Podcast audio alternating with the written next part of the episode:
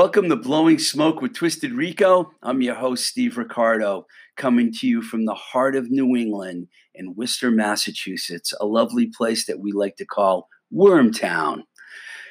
Now more than ever, I would like to personally thank the patrons that have contributed their support to this show. During these especially difficult times, it's been a real pleasure that my patrons have all hung in there and continue to support the podcast. So thank you to Dave, Sue K, Maria, Lee, Chad, Ted, Kim, Benjamin, Brian, Heather, Chris P, Chris W, and Matt, whose monthly contributions have been very much appreciated. And we thank you all. Uh, during this pandemic, I, I, I, thought people would be like, okay, well, there's not a lot of episodes coming out. It's not consistent as it was. We don't have a show every week. I thought people would bail, but these guys did not bail. So for that, I love all of you. Um, things are good. Things are looking good now, finally, as far as the podcast goes, because I'm very happy to announce – that everything's about to change. We're going back to our hi fi uh, versions of the podcast, and we'll begin a new chapter at the studio on March 13th. Uh, new Alliance Music and Art Complex in Somerville, Mass. is the studio I speak of. It's where we, we recorded oh, at least 20 episodes. So it's going to be great to get back there. It'll be good to have our engineer, Dorchester's own Herb Morsiglio, back in the mix. Um, before I talk about some music stuff, I want to just talk about what I've been calling the perfect storm lately the pandemic, police brutality, or should we say murder, high unemployment. Naturally, with all this stuff going on, people are going to go a little crazy. And that's exactly what happened. We've had a lot of absolutely amazing peaceful protests. But it seems like when the nightfall came, things have gotten a little crazy. Outside groups have got involved and they've triggered off like rioting and looting. And it's a shame because the peaceful riots are a good thing and they must happen. We must do everything we can to change the way this country is, change the racism. I mean, it's just, it's a frustrating thing I've had to live with my whole life. I often talked about being at, in LA during the LA riots. It was no fun, did not like it. But things have not improved since then. They've gotten worse. Pro- police brutality on blacks has been out of control. And the deaths that have come from this brutality is just, it's shocking. It's absolutely shocking. So I'm just reaching out to everyone and saying, please, we've got to figure out how to change the way we approach everything from here on in me personally and this podcast and anyone that I have involved with it, with it, we stand for equal rights for all. And that includes race, color, women's rights, LGBT rights, you name it. Everyone is equal far as I'm concerned. And we also stand up for wildlife and the environment. Go ahead, frame me as a liberal. I don't care. I am a liberal. And I said I would not get into politics on this podcast, but it's impossible to ignore it now. If you want to keep these politics, if you want to keep your politics private, keep them private. But I feel like if you see injustices going on out there, you have to speak out. I personally feel I'm on the right side of the fight and I'm on the right side of history. And I'm definitely not going to change my views. And I've been basically upset for weeks now. You know, I mean, it's bad enough that we've had to go through this pandemic, but then when the the death, George Floyd's murder by four policemen in Minneapolis was like it was the last straw for a lot of people. And you know, it shouldn't have taken this long, but finally people are waking up more than they ever. You know, I know the whites become woke is not a term that people want to talk about, but that's exactly what needs to happen. White people need to wake up and see what's going on. Blacks are not treated the same way. Now, I'm personally thankful that I've worked in the music industry, the entertainment industry my whole life. And I didn't see a lot of racism. I just didn't. People worked together. You know, everyone worked together. There was it, it wasn't like that in the music industry. I didn't see it. someone might say, oh, well, you're wrong. As far as the entertainment business goes, yeah, I know a lot of weird things have come out with the sexism lately. And yeah, I believe that was there, there in the music business too. And I'm sure the racism was there, but it wasn't open as it is, you know, in our society. It seemed like people all treated everyone the same. And I like that. And I would like that to be I'd like that to be the way everywhere, not just in the music or the or the film industry or whatever. I would like everyone treated equal. Okay, I'm sorry I had to go on that little rampage there, but it's been a really difficult time, and uh, frankly, I've had enough of it. And um, I support these protests, these peaceful protests. People have a right to do them, and I hope they continue to do them until something changes. Because as far as protesting goes, it's our right to do it. And, you know, we also believe in freedom of speech and freedom of the press. We cannot lose those things. People need to be able to speak what's on their mind, and the press should be allowed to cover everything. They should not be ridiculed like they have been by the current administration.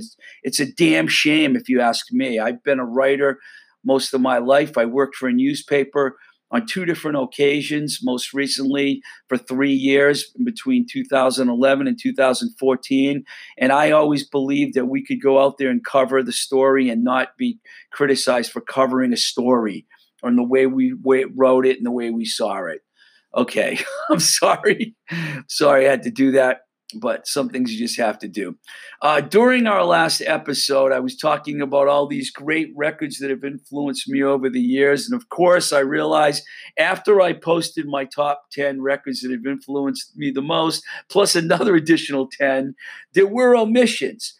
And one listener pointed out something to me, one listener that knows me, and mentioned that I didn't mention one David Bowie record at all in all my choices. And that was a definite screw up on my part because David Bowie has been very influential for me as he has been for so many other people. So I'm going to single out three records right now from the Bowie catalog that um, coincidentally came out in three straight years. And I think these are three of his best. Not to say he doesn't have many other great records, but these three right here Hunky Dory, which came out in 1971, had great songs like Life on Mars, which I'd have to say is probably my favorite Bowie track ever, Queen Bitch and Changes great influence there with Mick Ronson on guitar. And Rick Wakeman, the great Rick Wakeman from Yes, actually plays piano on that record also. And I know he played the piano on Life on Mars, which is pretty epic.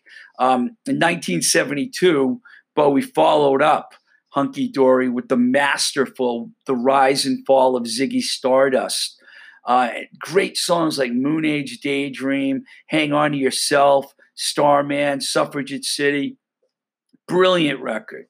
Did not take it down a notch in 1973 with Aladdin Sane, which contains a track that might not be as famous as the other tracks, but to me, it's one of his great songs, The Jean Genie, and also Panic in Detroit and Cracked Actor. I mean, there's other great songs on all those records. I just wanted to single out a few of them.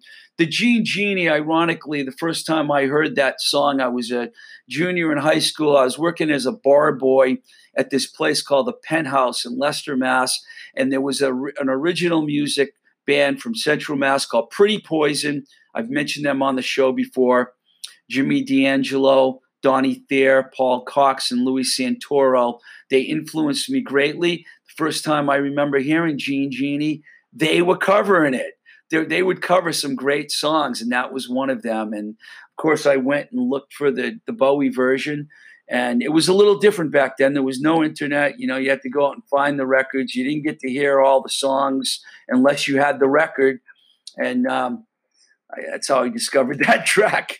And while I'm at it, you know, I'm not going to start listing a bunch of other records because it would. There's so many. I there is one record I didn't have, didn't talk about last time that I should have mentioned, and that's the band Television Marquee Moon. Marquee Moon is definitely one of my favorite records ever. And I should have included that in my top 10, but there was obviously not enough room in that top 10 for every single great album. So, okay, so it's impossible just to name 10. I should have made the list uh, 20, but I didn't. While I'm on the topic of great records, I remember in episode number seven, the last one I recorded in Pittsburgh, I had a whole show about compilation albums. And if we're going to talk about omissions, let's go back to a record that I didn't include on that list. And I'm holding the sleeve to it in my hand, which is going to help me talk about the great music on this. The record was called Mass Ave, the Boston scene, 1975 to 1983. And people that are not familiar with the Boston uh, garage and punk scene during that era, so many great bands came out in Boston, like legendary Boston bands. And I'm going to talk about some of them right now. The uh, producer of that was Gary Stewart, since it came out on Rhino Records. He was very involved in Rhino. I believe he passed away a few years ago, and I was sorry to hear that. Um, the record was actually put together by Brett Milano, who's a famous Boston journalist who's put out a few books. And um, he if if you want to go there's only a few people in boston that you can go to and you can really understand and learn everything about the history and i regard them as fantastic writers on another level. Brett milano i would put very high in that category and he compiled this um, compilation record and i'm going to go over the tracks on here because i think every track is a great track. There's um, 16 tracks on here, so bear with me. Uh, the record opens with Willie Alexander's song Mass Ave. Willie Alexander, famous of Willie Alexander and the Boom Boom Band. Mass Ave is like one of the most epic of all the Boston rock uh, songs, and Willie is is he's regarded as probably the grandfather. Sorry, Willie. I'll say the father of the Boston garage and punk scene. He was one of the originals.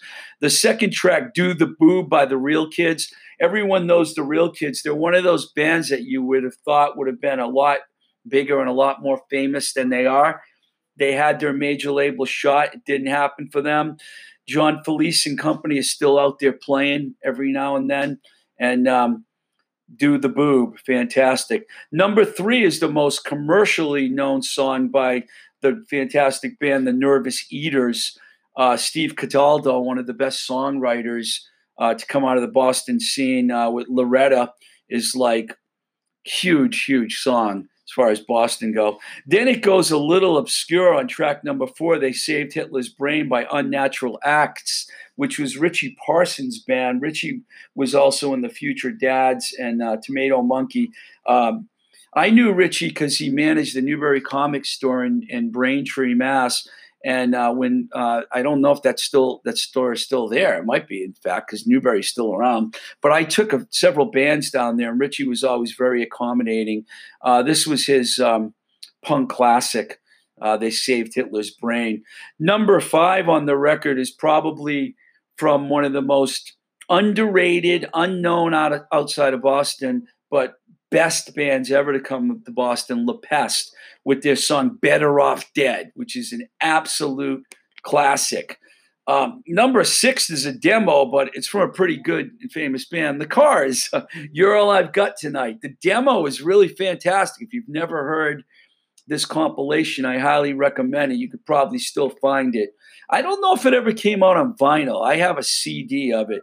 I'm thinking it didn't because 1993 there wasn't a lot of vinyl uh, that was coming out at that point. Um, the, the, vinyl vinyl sales had dropped quite a bit, unfortunately. Um, the next uh, track, number seven, is a band that I worked with several occasions for a long time. One of my favorite bands ever. This was from the original lineup, The Neighborhoods, No Place Like Home track written by Dave Minehan. That was the Minehan, uh, Mike Quaglia, John Hartcorn version of the band, the original trio, which took the city by storm. Uh, no Place Like Home was the flip side to Prettiest Girl, which is one of the most famous songs to come in the Boston scene. Speaking of famous, what about Jackie Onassis by the Human Sexual Response? There's another band that never really got their due. That was fantastic Boston band. Number six, a little more of an obscure band, The Maps. I'm talking to you. Judy Grunwald was in that band. She went on to form Salem 66 and she also married David Minehan from the neighborhoods. They should have put those two tracks back to back, but Brett didn't think of that. but it's okay. Jackie Onassis in the middle. Then uh, number track number ten here is another famous song that everyone should know. If you don't, shame on you. That's when I reach for my revolver by Mission of Burma, written by bassist Clint Conley. One of the most uh, famous songs to come from the Boston music scene and it was during that era that it was released. I believe it was closer to 83. Um, number 11, kind of an obscure band. They were on Ace of Hearts records. Several of these bands, actually, and these songs were on Ace of Hearts, which is a fantastic label. I've got two Ace of Hearts, three Ace of Hearts in a row coming up here. This one's Classic Ruins. One in one is less than two brilliant song written by Frank Rowe, one of the best singles. I remember when I was in college radio at WDJM, we played the hell out of that track. Unbelievably fantastic song. Next track is I Want to Help You Ann by the Lyres. Okay, everyone knows the Lyres. They're still out, they're still gigging, they're still regarded as one of the best bands ever to come from Boston. I Want to Help You Ann, which was also an Ace of Hearts classic. Six or so oh, some people call 666 by the Neats is the next track. And my great memory of the Neats is I remember when I was in college at Framingham State, me and a couple other people went over to Wellesley College, which was an all girls college in Wellesley, Mass. Famous college, a lot of famous women have gone there. And we went to check out the Neats and we came walking in, and there were all college girls in there. And they all looked at us like, what are you guys doing here? And the Neats kind of seemed kind of happy to see us actually because they were playing in front of a all female crowd. And uh, it was a great show and a great memory. Next, we have the Thrills, um, really well known band um, from Boston. Um, hey, not another face in the crowd. Um, Johnny Angel wrote that track. Barb Kitson was the singer of Thrills. And um, really good band from that era.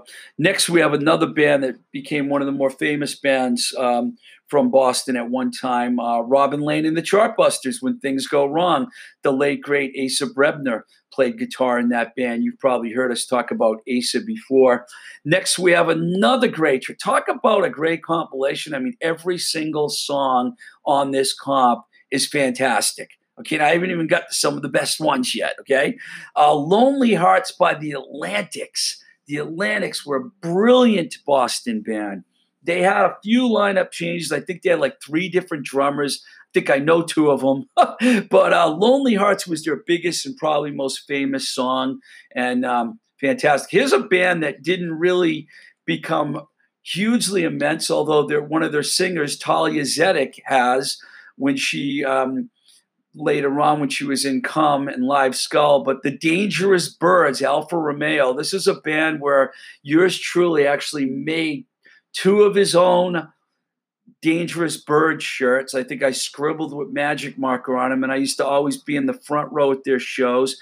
Yes, I was a Dangerous Birds groupie. They were an all girl band. They were fantastic. They were one of the only bands of their kind at that time in Boston. I think I saw that band at Storyville and Kenmore Square probably more than I saw any band. That's not necessarily true because I saw the neighborhoods and the outlets a ton of times, but I mean, I saw them a lot. Storyville. Another famous band, the Del Fuegos. I always call her back. Uh, track number 18 on this stellar compilation. Um, Del Fuegos had their shot. They were pretty big. Um, there's a story in here about how they were in a diner. The liner notes that Brett Milano wrote were fantastic. In fact, I should probably read some of the liner notes. In fact, if I can find that one little story, Maybe I'll read it to you guys right now because it's pretty good. Let's see. Okay, here we go. Legend has it, these are the words of Brett Milano from the liner notes of the record. Legend has it that Bruce Springsteen once ran into the Del Fuegos at an all night diner when both were on tour. He greeted them with, Hey, you guys look like a rock band. They sounded like one too, given roots rock influences a garagey twist. I'm not going to go on and on and on, but that would happen. I remember I'd be out in cities and late nights with bands, and other bands would come walking in. because they were also on tour back in the good old days when everybody was touring and there were a million clubs to play. I'm not sure we're ever going to see great uh, shows and lineups like we used to back then, but I just hope that we can get back to some sort of normality so people can go back to uh, seeing live rock and roll. The last track on this record, uh, I'm not just going to say this because I signed this band, but I did. And it's one of the great Boston songs, Knock Me Down by the Outlets. Now, the funny thing about that track was it became like an anthem for hardcore punks and slam dancers, but the Outlets were not really a hardcore band. No, they weren't not really. They were not a hardcore band. They were more kind of like an influ- influenced by bands like the Buzzcocks and the Undertones. But they were um, one of the best high energy bands in town. And occasionally they will play shows. And I worked with both Dave Barton and Rick Barton on different occasions. And um, they're friends of mine. And I love them. And I love this compilation. It's called Mass Ave, the Boston Scene, 1975 to 1983. If you can get a hold of a copy of this, it has a great picture of the neighborhoods on the cover, the original hoods, and I highly recommend it. And I, am going to go on right now to say it's one of the best compilations ever made. Um, I know it's all Boston bands, but can I say? I'm Boston. Okay. I love Boston. Everyone that knows me knows that. And uh, the city has produced as many great bands as any city in the United States, probably more. all right. Well, wow. Sorry about all that political stuff early on, but I had to get that off my chest. Um, right now, I want to thank our sponsor, JLS Design. They do custom screen printing and embroidery. It's a great place for bands to get all their t-shirts, hats, hoodies, etc., and masks. By the way, we have blowing smoke with Twisted Rico masks that are pretty cool. Bunch of people have got them from us, and if anyone wants one, you know how to reach me. I will tell you in about two seconds. If you want to reach JLS Design, it's jlsdesignprinting.com, JLS Design Sales at gmail.com. Uh, if you contact JL, JL, JLS, you could tell them that I sent you and you'll get a 10% discount on whatever it is that you want to make, whether it's t shirt, hats, mask, whatever. Just let them know that Steve from Blowing Smoke with Twisted Rico sent you. Okay, my email address is twistedrico at gmail.com. You can find me on Instagram at Twisted Rico. And also, uh, you can find us on YouTube, where some of the shows are up on YouTube. And beginning next week, when we start recording again, pretty sure all the future shows will be on YouTube. So look forward to that. We also have a new Facebook page that you can check out with exclusive photos and other cool stuff. Please send me your comments, questions, etc. And uh, check out our Patreon page, which is patreon.com forward slash twisted rico, which is a great place where you can support the podcast. And, um, you know, for only a dollar a month, actually. That's it. One dollar a month, you become a patron. And believe me, we'll love to have you. Um, Okay, so this is Blowing Smoke with Twisted Rico. I'm your host, Steve Ricardo. And until the next time we say goodbye, yes, we still love you, Busy Phillips, and let's keep the rock and roll alive.